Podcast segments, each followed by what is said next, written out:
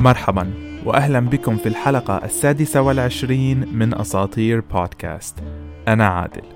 وأسطورتنا اليوم قادمة من حضارة المايا من المكسيك. هذه الأسطورة قادمة من شبه جزيرة اليوكاتان وترجمت للغة السائدة في القرن السادس عشر. المميز في هذه الحلقة أنني أصدرها وأنا في شبه جزيرة اليوكاتان. فخلال الأيام القادمة بإمكانكم متابعة البودكاست على إنستغرام أساطير بود وهناك سأقوم بمشاركة جميع الآثار التي سأرى في هذه المنطقة. ترجمت هذه الأسطورة للغة السائدة في القرن السادس عشر. الجميل فيها هو عكسها للطبيعة والجغرافيا الخاصة في هذه المن... في منطقة المكسيك. كعادة الأساطير بشكل عام في هذا الموسم فهذه الأسطورة تبدأ مع الفراغ. وتأتي من الكتاب المقدس الخاص بهذه الديانة البوبل فو اسم الكتاب يعني كتاب النصيحة أو كتاب المجتمع. هذا الكتاب له أهمية دينية وثقافية عظيمة. ففيه العديد من الأساطير والقصص المتعلقة بهذه الديانة وطقوسها وحكايات عن عادات هذا الشعب وتقاليده. بعض النصوص والمقطوعات تمت كتابتها عن طريق الرحلات التبشيرية المسيحية القادمة من إسبانيا، فقام المبشرين وقتها بتدوين القصص والأساطير المنقولة شفهيًا. بعض الخبراء يرجح أن هؤلاء المبشرين قاموا بتعديل النصوص لتناسبهم وتناسب معتقداتهم.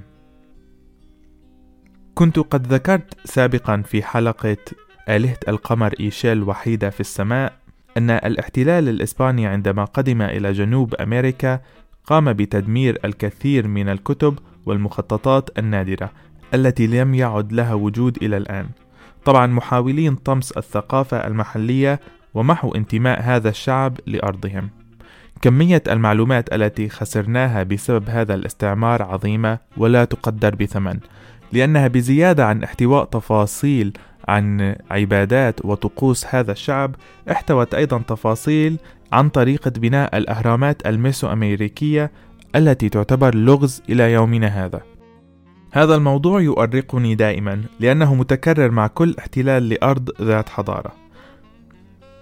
الجدير بالذكر أنه لا يوجد أي نسخ أصلية باقية من هذه القصص إلى يومنا هذا، فقط الترجمات. عنوان حلقة اليوم هو إنها الذرة. تقول الأسطورة أنه في البداية لم يكن يوجد أي شيء سوى العدم والمياه الأزلية القديمة.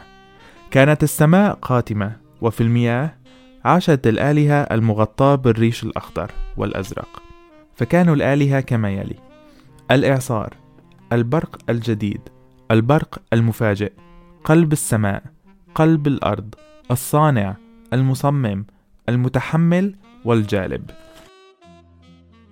قامت الآلهة مع بعضها البعض ورفعت أليابسة من المياه الأزلية ثم قاموا بإبعاد ما تبقى من المياه من على السطح. عندما اجتمعوا على تلك اليابسة تحدثوا فيما بينهم عن إيجاد المخلوقات التي ستعبدهم. فقاموا أولا بخلق الحيوانات خلقوا الطيور والسباع والمواشي ثم جمعوها وقالوا لها انطقي أسماءنا الآن نحن أمهاتكم ونحن آباؤكم قدسونا اعبدونا تحدثوا الآن فنحن الإعصار البرق الجديد البرق المفاجئ. قلب السماء قلب الأرض الصانع المصمم المتحمل والجالب. انطقوا أسماءنا اعبدونا واحفظوا أيامنا. لكن لسوء حظ الآلهة هذه الحيوانات لا تمتلك القدرة على الكلام أو العبادة.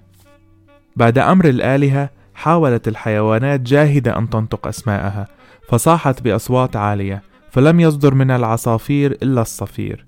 ومن السباع إلا الزئير ومن الأفاعي إلا الحفيف ومن الكلاب إلا العواء ومن الثعالب إلا الصراخ إلى أن ملأت أصواتها الأرض مما أزعج الآلهة فطلبت منهم السكوت على الفور بسبب الإزعاج العظيم. بعد أن صمتت الحيوانات أطلقتها الآلهة في الأرض وجعلتها طعاما لبعضها البعض.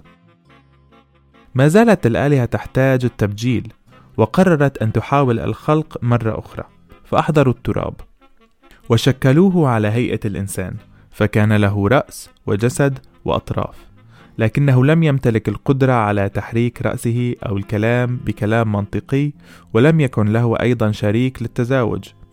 لاحظوا سريعا أن هذا المخلوق لا داعي له فأعادوه إلى هيئته الترابية بيأس. الآن بعد المحاولة الثالثة قررت الآلهة أن الوقت قد حان لكي يأخذوا الأمر بجدية. فذهبوا إلى عند شبايكوك وشموكاني الجدان الأزليان. شبايكوك كان مقدسا مسؤولا عن الأزواج. أما شموكاني فكانت مسؤولة عن الولادة.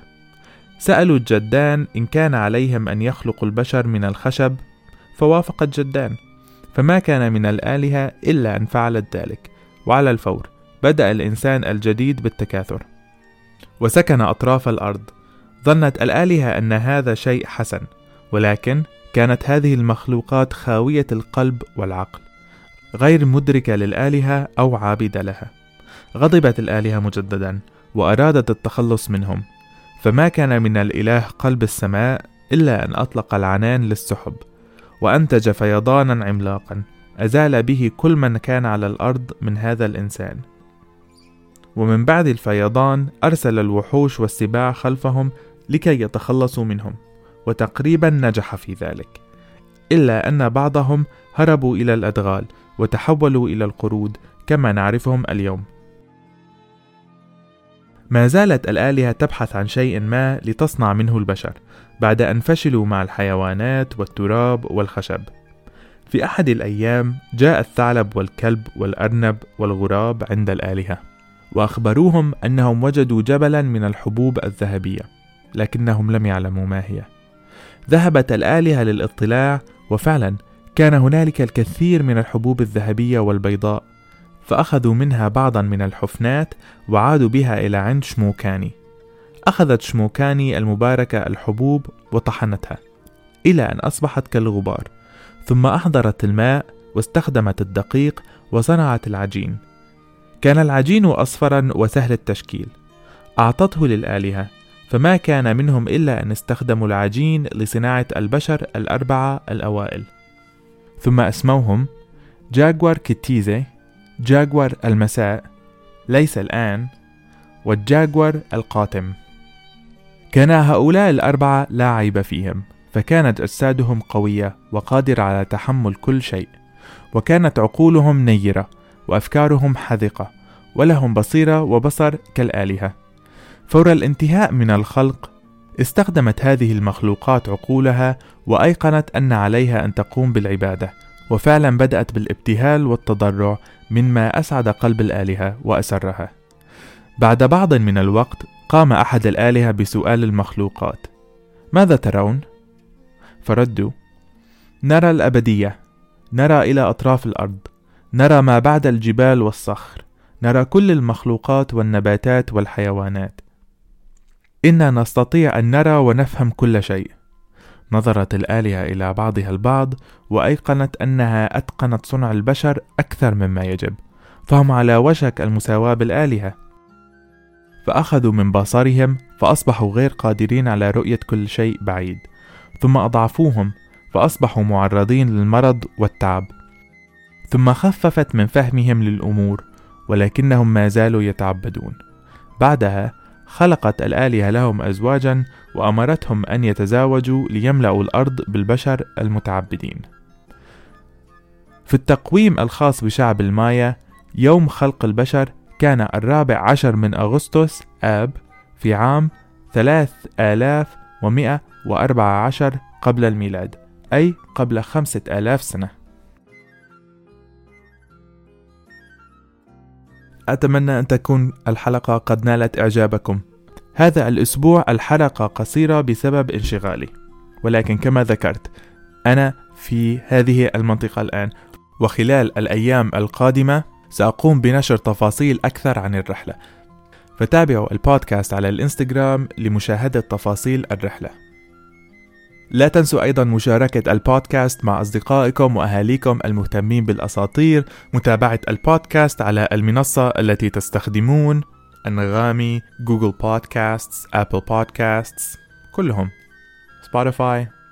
وأيضا تقييم البودكاست وترك التعليقات. كان معكم عادل في أساطير بودكاست.